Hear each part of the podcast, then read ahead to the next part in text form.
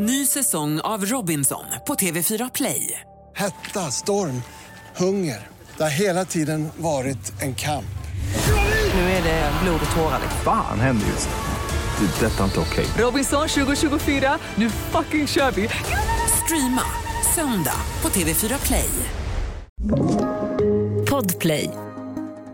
Live från Studio 1 i Stockholm, Sverige och Dallas, Texas, USA. Du lyssnar på D-Daily Messiah, ditt nyhetsflöde med mig, Messiah Hallberg. Klara Doktorow. John Wilander Lambrell.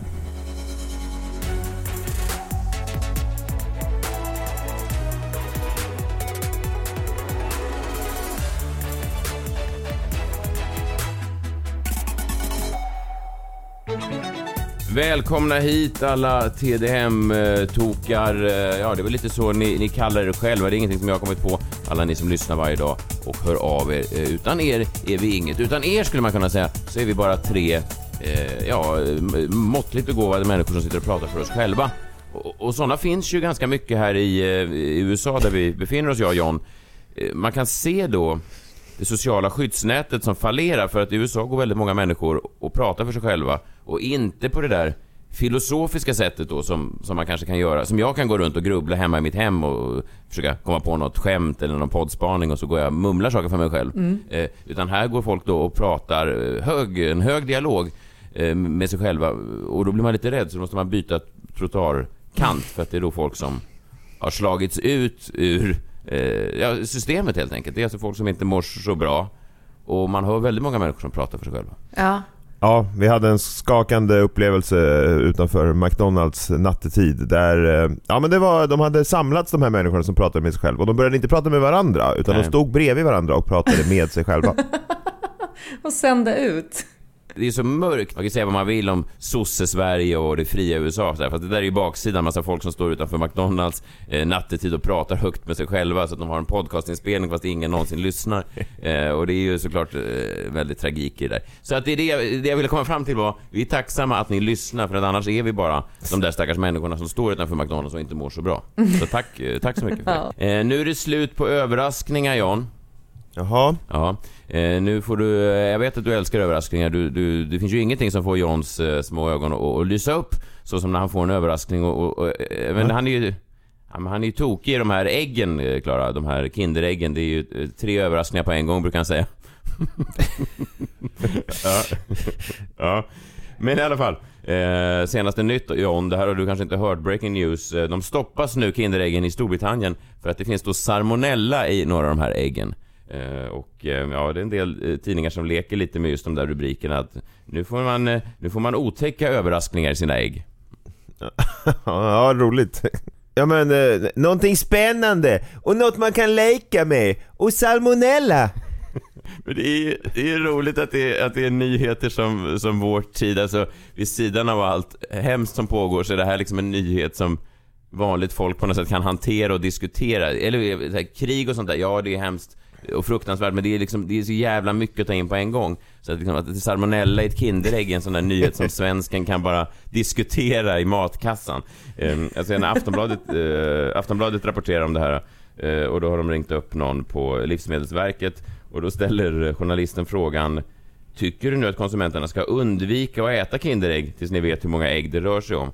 Jag gillar bara formuleringen, undvik att äta Kinderägg, som att det är en utmaning för folk. Hur fan ska det här gå? Vad ska jag nu? Hur ska jag nu ta mig igenom dagen? Vad ska jag äta? Det finns ju ingenting här hemma förutom Kinderägg. Ja.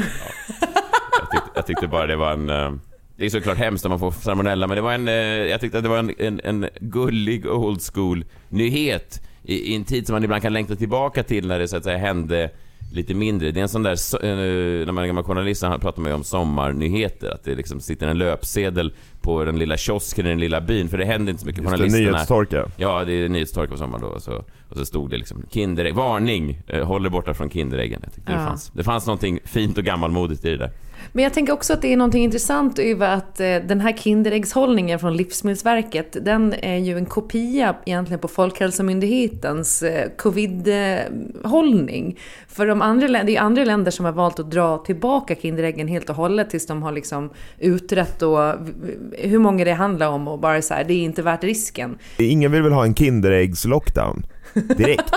Så vi kan väl vänta lite. Nej, Nej, men du måste tänka på de långvariga, långvariga effekterna i samhället, Klara, om man tar bort Kinderäggen. Det, det kanske inte visar sig direkt, men det är barn, det är generationer som kan förlora en, ja, en Ja, men känsla. familjen. Kinder blir av med sina livsverk. Ja, jag tror att de ekonomiska och, och sociala eh, långtgående konsekvenserna är väl det som Tegnell och de andra eh, tar hänsyn till här. Eh, det är en presskonferens nu klockan 15 som vi hoppas att det kommer positiva besked. Dags nu för det nyhetsledande segmentet i svensk nyhetsrapportering.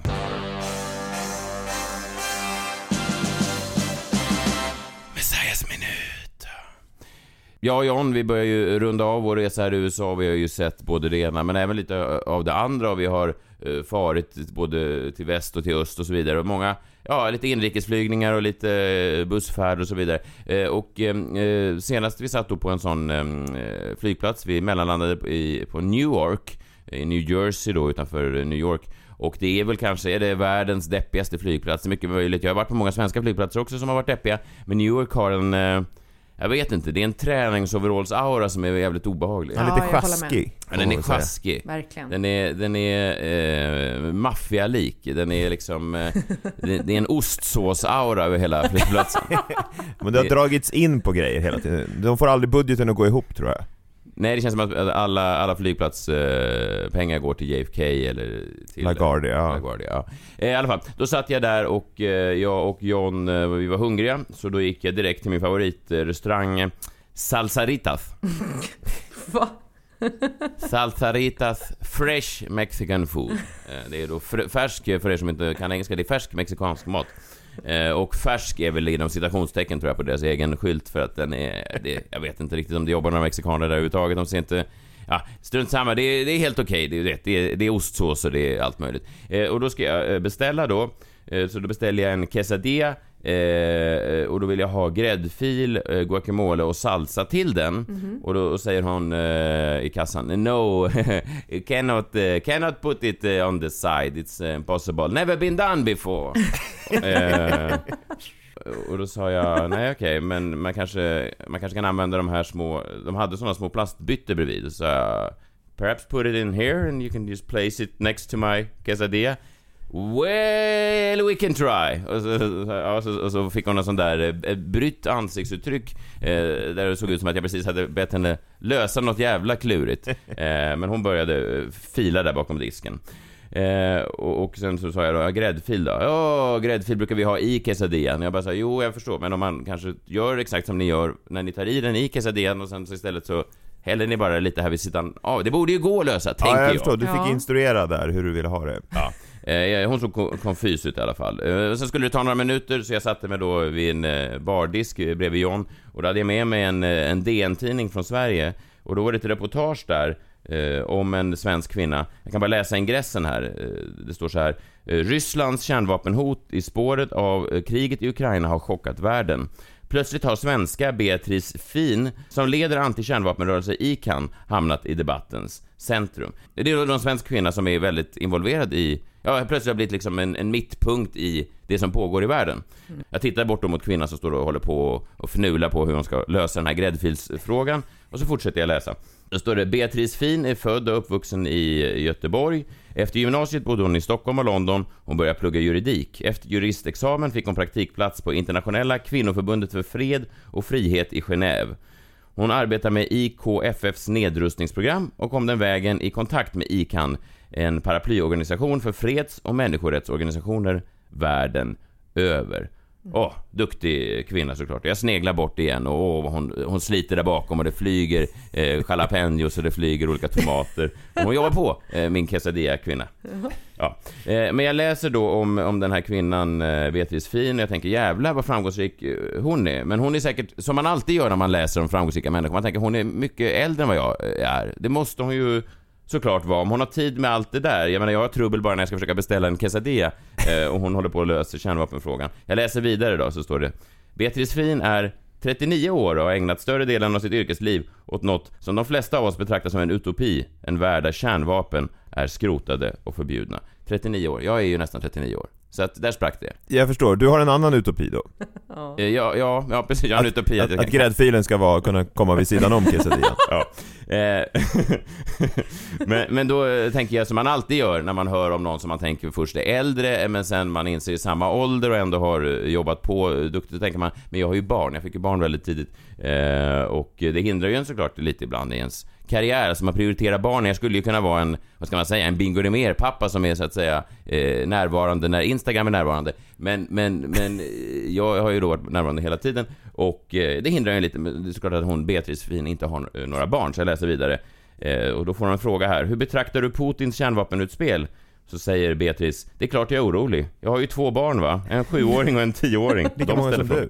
Lika många som jag. Ungefär i samma ålder som jag. Och jag känner mig ju sämre och sämre. Jag sneglar ju bort mot kvinnan bakom bardisken. Hon sliter med sin quesadilla. Jag mår sämre och sämre, känner mig mindre och mindre verkningslös. Fortsätter läsa. Eh, blir, man tror att det inte kan bli värre, man tror att den här Beatrice inte kan bli mer av en superkvinna, så läser jag vidare. För fyra och ett halvt år sedan, den 6 oktober 2017, så ringde den norska Nobelkommittén och meddelade att årets fredspris hade tillfallit Beatrice. Såklart hon har ett Nobelpris! Den här jävla kvinnan. Såklart hon har. Och sen till sist då i intervjun så får hon en fråga som jag aldrig fått i någon intervju. Det är en fråga som jag gärna skulle få. En fråga som antyder mycket. Det ligger mycket i den här frågan. Det är en fråga som säger, är det ens mänskligt möjligt att göra det som du gör? Frågan som hon får i slutet av DN-texten är, men du, hur orkar du? Frågetecken. Det är en fråga som jag aldrig har fått, men som jag gärna skulle ha. Jag säger Hallberg, hur orkar du? Jag frågade det när jag tänkte, fan orkar du tjata om den här gräddfilen vid sidan om hela tiden? Hur kan Ger du aldrig upp? Hur kan du kombinera podcastinspelande med USA-resor och försöka lösa gräddfilsfrågan? Hur är det möjligt? Hur orkar du? Det har aldrig hänt. Ja. Och där någonstans när, eh, när texten är slut så ropar hon då Quesadillas are ready! Och jag tar tidningen och jag stänger den över Beatrice eh, självupptagna flin och jag inser att om det finns någon slags Nobelpris där ute för quesadillas då skulle det en dag kunna bli mitt.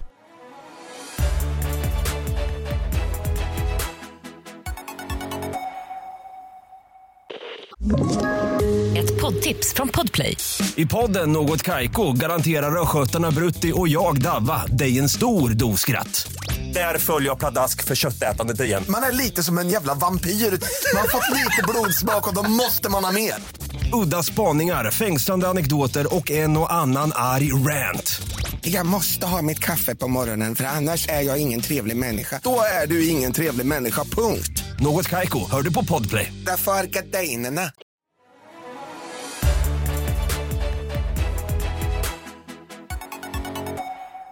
Ni känner till Marilyn Monroe, eh, den här eh, liksom, filmikonen verkligen. Hon återuppstår ju nu som omslagsflicka här i april.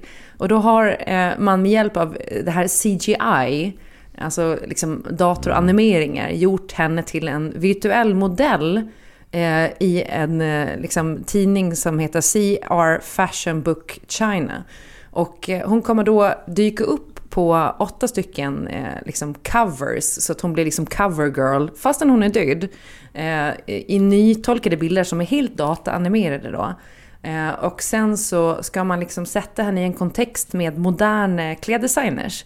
Så eh, hon får liksom en modern stil, så som Marilyn Monroe kanske hade klätt sig eller sett ut om hon hade levt idag. Men hur, de, de tar då henne, ja hon var ju, nu, nu om jag bara får gå eh, så att säga Eh, utseendemässigt då så var hon ju så, hon var ju sig lik hela vägen fram. Även om hon dog en, en, en tragisk eh, död och eh, jag läste en bok om det där, det var ju väl den troligaste teorin är ju att hon fick ett, ett lavemang med massa eh, sömnmedel och sånt där som sen eh, av eh, sin assistent då och sen så var de tvungna att städa bort lakanen och så här innan polisen kom. Ja skitsamma, eh, men jag menar bara att hon, hon såg väl ut som sig själv hela vägen fram till döden så att de har då tagit henne någon gång där under de sista åren. Eller vad, vilken bilder baserar de där på? Ja, precis. Det är väl en, en, ett, ett ihopkok kan jag tänka mig av hennes utseende. Ja. Och också det är så här, de bilderna som togs på henne då var ju liksom inte eh, HD-bilder på det sättet. Så, så här, eh, det är ju spännande att se. Men kommer ni ihåg när Kanye West gav eh, någon slags eh, sån här,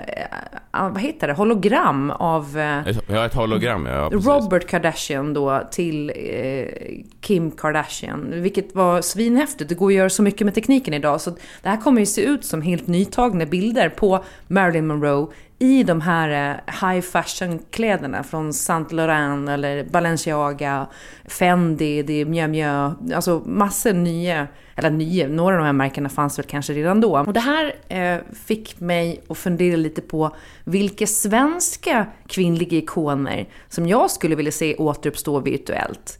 Och den här listan då, den här eh, tänker jag då att L, eh, magasinet L då kan eh, knipa rakt av och sen göra liksom eh, som covers då i sin tidning. Eh, och då börjar vi med den första. Här har vi då Heliga Birgitta. Ja. Henne vill man ju se, vårt svenska Oj, helgon. Det, vill man, ja det kan man, det är old, väldigt old school. Men jag kan, inte, jag kan inte påminna mig om att jag har sett henne så mycket. eh, typen av, av mo, kläder av modernt snitt, men det kan ju spännande. Såg hon ut som sig själv hela vägen? Det är det som är det spännande. Man tar heliga Birgitta, vi har ju inte jättemycket bilder på henne, så det kan ju finnas en risk för att hon blir som den här ap-Jesus när man försöker göra henne till liksom, alltså en riktig bild av henne så att säga. Men jag tänker också då, det här heliga Birgitta, vårt svenska helgon som levde på 1100-talet, henne ska vi ju stoppa i märket Totem. Det är liksom svalt och strikt men ändå med en liten twist så som heliga Birgitta faktiskt var. Och jag tänker också att heliga Birgitta var väldigt asketisk och, och hade liksom en smal mm. kropp en, liksom lite gänglig sådär. Och, och Totem passar ju... Volleybollspelare liksom? ja, typ. Ja, men väldigt, lite mer formlösa kroppar så att säga. Där, där tror jag att hon skulle passa in bra. Så det, det är en av mina. En annan som jag jättegärna skulle vilja se återuppstå är ju drottning Kristina. Här har vi då en 1600-talsdrottning som abdikerade. Och hon var lite mer sportig och unisex. Och då tänker jag direkt, Gant Rugger. Eh, det är ju ett märke som har fått ett rejält uppsving nu. Jag läste att Cafés Daniel Lindström skrev eh, nyligen att märket då hoppar upp ett snäpp eh, mot high fashion. Och jag tänker då, liksom drottning Kristina är en sån här klassisk polo, Gant Rugger shirt och ett par läckert slitna jeans. Det hade ju varit någonting. Och så kanske fäktes då med, med ett svärd liksom. Det hade varit 100% hon. Ja. Men är det sen, ingen som äger de här människornas estate? Får man bara plocka dem så här? Ja, det är det man undrar lite också. Så här, är det, alltså, det känns ju lite läskigt att, att man kan gå och dö och sen är det som att man blir upp, uppstoppad och placerad på omslaget på en tidning. Och sen så i kläder man inte har fått valt eller godkänt. Men här tänker jag också att det är så länge sedan de gick bort så det kanske inte gör så mycket. Jag vet att eh, Marilyn Monroe, när hon dog, hennes dödsbo, eh, hennes mamma satt ju då på eh, i, i mentalvården och hon hade inga barn även om hon försökte flera gånger. Och eh, jag, jag, tror, om jag inte miss... Eh, någon Marilyn Monroe-kännare ute kanske kan rätta mig, men jag tror att hennes exman Joe DiMaggio hade hand om hennes estate på något sätt. Hon hade 50 000 kronor kvar av alla de här pengarna. Hon blev blåst på sina kontrakt hela karriären och så där. Så hon hade väldigt... Hon hade ett hus som hon bodde i i Hollywood som var värt lite grann, men men hela den här estaten, man tror ju att hon skulle vara värd så enormt mycket och det har hon väl blivit så här efter sin död, liksom just det här varumärket Marilyn Monroe. Men just när hon dog eh, så fanns det liksom inga inga direkta tillgångar i det där dödsboet. Ja, det är sorgligt ändå. Men ändå, Joe DiMaggio, alltså han ärvde henne. Det är ju märkligt. Men ja. Näst på min lista... Jag vet att han var involverad på något sätt. Vi får, vi får kolla upp det. Vi får kolla. Näst på min lista är ju då Astrid Lindgren, såklart. Hon känns ju likfull och färgglad och liksom nästan lite barnslig fast ändå liksom klassisk. Och, och jag vet exakt vad ni tänker nu. Astrid Lindgren är Rådebjer. Mm, jo, nu, nu, nu när du säger det så känns det naturligt kanske. glad knytblus och sen eh, någon liten halvmärklig jacka över det. Det är ju 100% Rådebjer. Eh, men sist på min lista då, eh, det är ju the one and only Saida Andersson. Kommer ni ihåg henne? Sierskan Saida. Saida, hon som alltid hittade, eller hittade och gissade var olika katter befann sig. Ja, och nycklar, allting kunde hon hitta. Var hon var Om... medium, eller? Ja, hon precis. hade en felprocent som var ganska hög. det, det där får stå för dig Messiah. Och där har ni min lista då på svenska ikoner som jag vill se återuppstå virtuellt och bli CGI.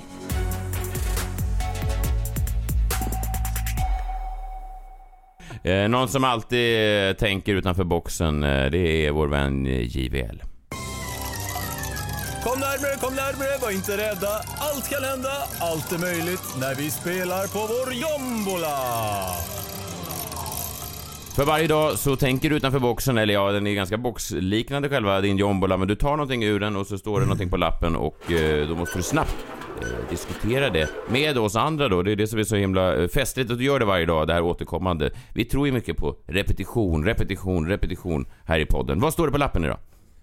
Eh, lite extra krim står det. Oh. Mm, spännande, Oh, för oh, imorgon så ska vi ju faktiskt ägna, eh, har vi i alla fall planerat, eh, en stor del av avsnittet, hoppas jag i alla fall, åt eh, mordet på Marilyn Monroes eh, älskare, eh, John F Kennedy. Mm, vi ska vara tydliga här med att de har då enligt, jag har ju läst väldigt mycket om Marilyn Monroe, de har bara älskat med varandra två gånger.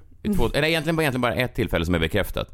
Ett tillfälle som är bekräftat när någon ringde, då svarade Marilyn Monroe på John F Kennedys privata telefon i en sån här liten eh, knullhytt som han hade någonstans.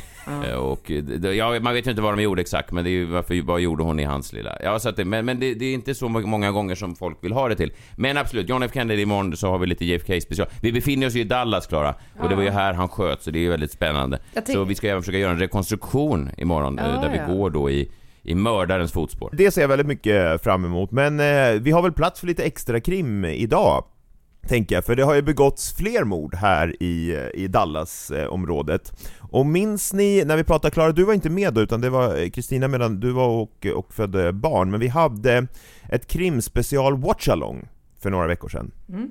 Messiah, du minns? Jag undrar om Klaras hummande nu var ett, ett, ett, ett tecken på ställ inga frågor om det här, för jag har absolut inte lyssnat. Nej, jag har absolut inte lyssnat. Nej, varför jag födde ett Var barn? du inte med på watch-alongen? Nej, jag födde ett barn. Jo, jag vet, men hur länge kan man föda ett barn egentligen? Det är väl en kort process. Sen åter man, går man direkt till poddlyssnandet, men okej. Det som är fint med, med poddar är också att det går att lyssna i efterhand. Man kan lyssna i kapp va? Det finns Jo. en hel bank. Jag, jag har gjort många poddar genom åren. Det finns, du har timmar Klara att ta igen. Jag det är vet, dagar men då du vill, jag, då vill jag säga att när jag märkte att jag kunde använda eh, den här podden som syvande för min bebis, för att hon har lyssnat på era Ja, röster så mycket så att de är mer bekanta än hennes egen pappas röst, så kände jag bara att nej, jag ska inte utsätta henne för ännu mer eh, Messiah och John, för då kanske hon tror att ni är era papper och då kanske hon kommer att ty sig till er sen, bara så att jag, ni vet det. Ja, Nej, jag fattar. det är bra. Sövande är inte det vi går för eh, med den här podden, men om det blir så, så ja, då, då är det väl så. I alla fall, det var avsnitt eh, 87 när vi pratade om mordet på Missy Beavers.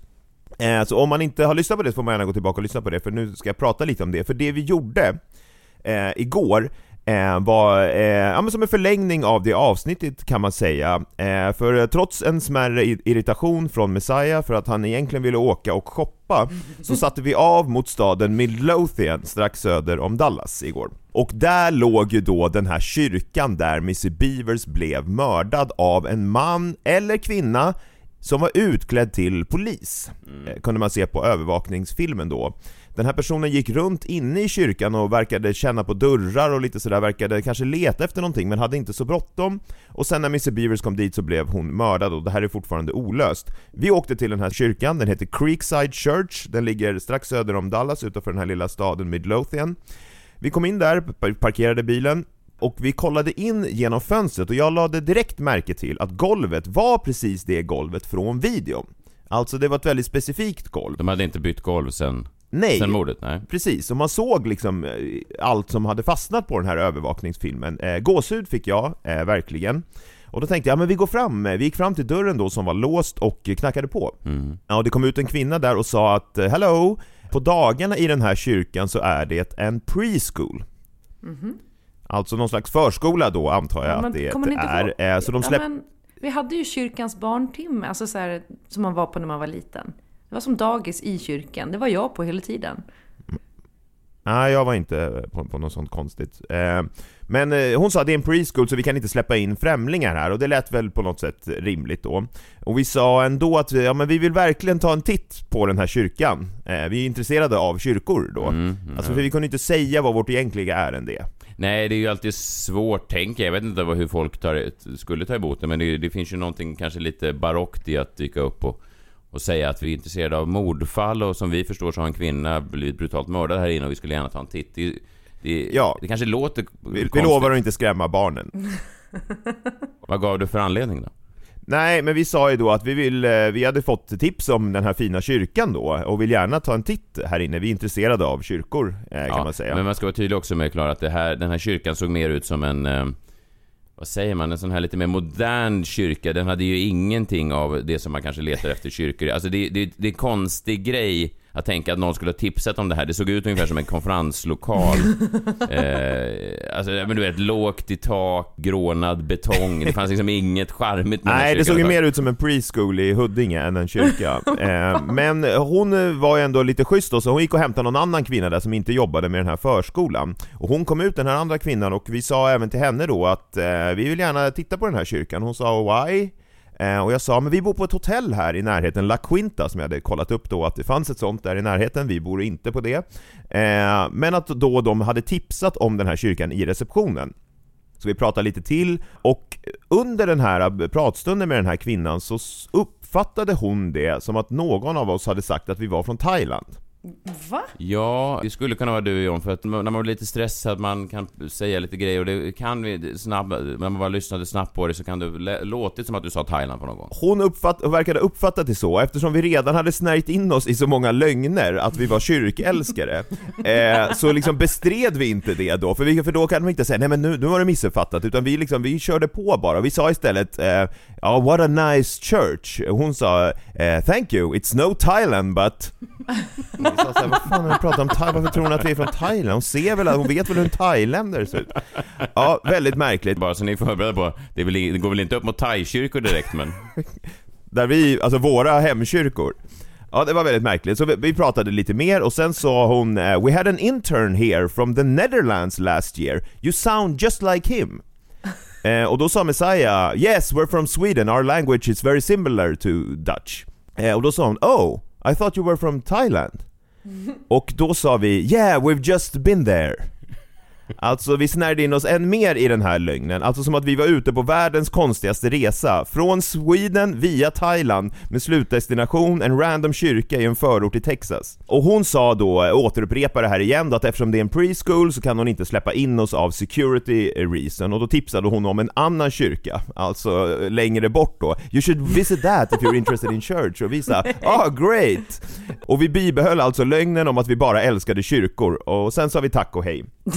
Eh, men vi hängde, hon gick in i kyrkan igen, men vi hängde liksom kvar där ett tag. Vi kikade in lite genom ett annat fönster, vi gick till parkeringen på baksidan där den mystiska bilen åkt innan mordet, när vi tittade på watchalongen. Och jag försökte bara påpeka för Jan att det finns ju någonting, kanske suspekt, när han står och gör... Du vet hur, hur, hur en mystisk man ser ut när han står och tittar in genom lätt dimmade fönster. Alltså du vet när man lägger handen över handryggen, över ögonen för att få en bättre inblick genom de här lite mörka rutorna. Det, och det är en förskola där inne. Jag, eh, jag bara eh, påpekar för John att det här kan ju se märkligt ut om någon ser oss stå här och försöka tjuvkika in genom dagisets fönster.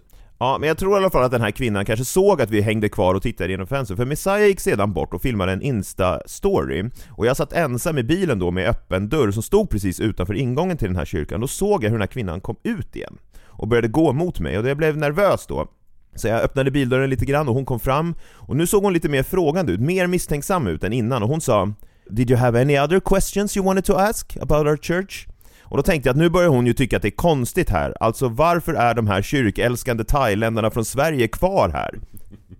Så jag sa, I think we've gotten all our answers, eh, och sen tittade hon väldigt konstigt på mig och sa eh, Oh, um, okay. Uh, can I just ask, who at the La Quinta told you to visit us? I just found that funny that they would recommend us. Who, who was that? Och då tänkte jag, shit, nu är hon on to us här. Alltså nu misstänker hon någonting här. Hon frågade vem på La Quinta är det som har tipsat om oss? Eh, och då kände jag mig som att jag befann mig mitt i mitt eget eh, krimfall och jag sa bara att ja, men jag mindes inte namnet på, på receptionisten då som hade sagt det. Och hon sa oh that was, that was funny that they would recommend us. eh, och då blev jag väldigt nervös. Jag vet inte om hon misstänkte att vi var mordturister, eh, eller om hon då ville skydda barnen från oss inne på den här preschoolen. Men i alla fall, eh, så vi kom aldrig in i den här kyrkan, men några slutsatser man kan dra då, förutom att man som två manliga främlingar från Sweden och Thailand inte ska driva runt en preschool i Texas och kika in genom fönstren. Och de slutsatserna är att den här kyrkan ligger rätt så off, alltså den ligger inte nära någon stad eller så, så att den här fake-polisen på övervakningsfilmen bara skulle dyka upp där klockan fyra på morgonen av en slump, eller att det skulle varit något inbrott, håller jag för väldigt osannolikt. Och när vi åkte därifrån så kände vi det mer än någonsin. Att det är något som inte stämmer med fallet Missy Beavers. Vi, eller i alla fall jag, kommer att fortsätta följa det med stort intresse, Mm. eh, men kanske lite mer på avstånd i fortsättningen. Ja, men jag tror att det är en bra idé John. Alltså svenskar, Thailand och barn, det har ju liksom negativa konnotationer måste jag säga. Ja, jag, jag, jag sa det att det, det, det är ju misstänksamt just den här svensk-thai-kopplingen, Det är- förskolan, två män som det, det är, må, det är mycket, många klockor, må- många varningsklockor som ringer. Ja. Det hade vi inte tänkt på innan riktigt, att den här storyn behövde fact checks. Nej, vi var inte beredda på att bli fact-checkade. Det var också konstigt för vi började säga att vi har varit här i, i den här resan har pågått i tre dagar. Och sen, just hon fick liksom inte ihop det att vi hade varit i Thailand, Holland och Sverige och nu Texas på tre dagar. Och att vi bara droppade in för ett snabbt kyrkbesök för att vi uppenbarligen älskade kyrkor. Ja, det var, för, ja, förortskyrkor. det var många ingredienser. Jag, jag förstår att hon, hon såg lika brydd ut som kvinnan som försökte placera min salsa utanför quesadillan. Men ehm, det var också roligt, jag hittade ett, eh, fick ett Facebook, det hade jag inte sett nu förrän flera timmar senare på, på Messenger fick jag ett meddelande från John.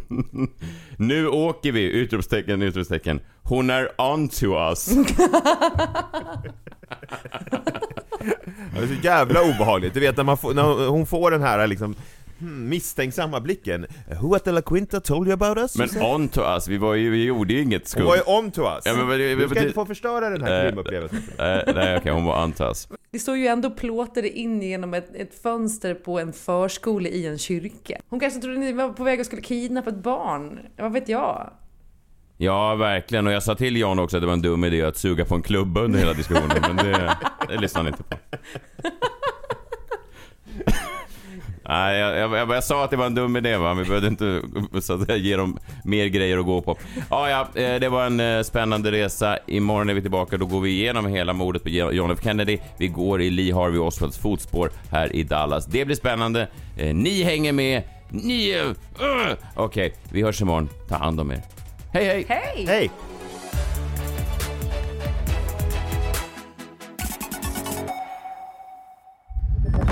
Podplay, en del av Power Media. Ett poddtips från Podplay. I fallen jag aldrig glömmer djupdyker Hasse Aro i arbetet bakom några av Sveriges mest uppseendeväckande brottsutredningar. Går vi in med hemlig telefonavlyssning och, och då upplever vi att vi får en total förändring av hans beteende. Vad är det som händer nu? Vem är det som läcker? Och så säger han att jag är kriminell, jag har varit kriminell i hela mitt liv men att mörda ett barn, där går min gräns. Nya säsongen av Fallen jag aldrig glömmer på Podplay.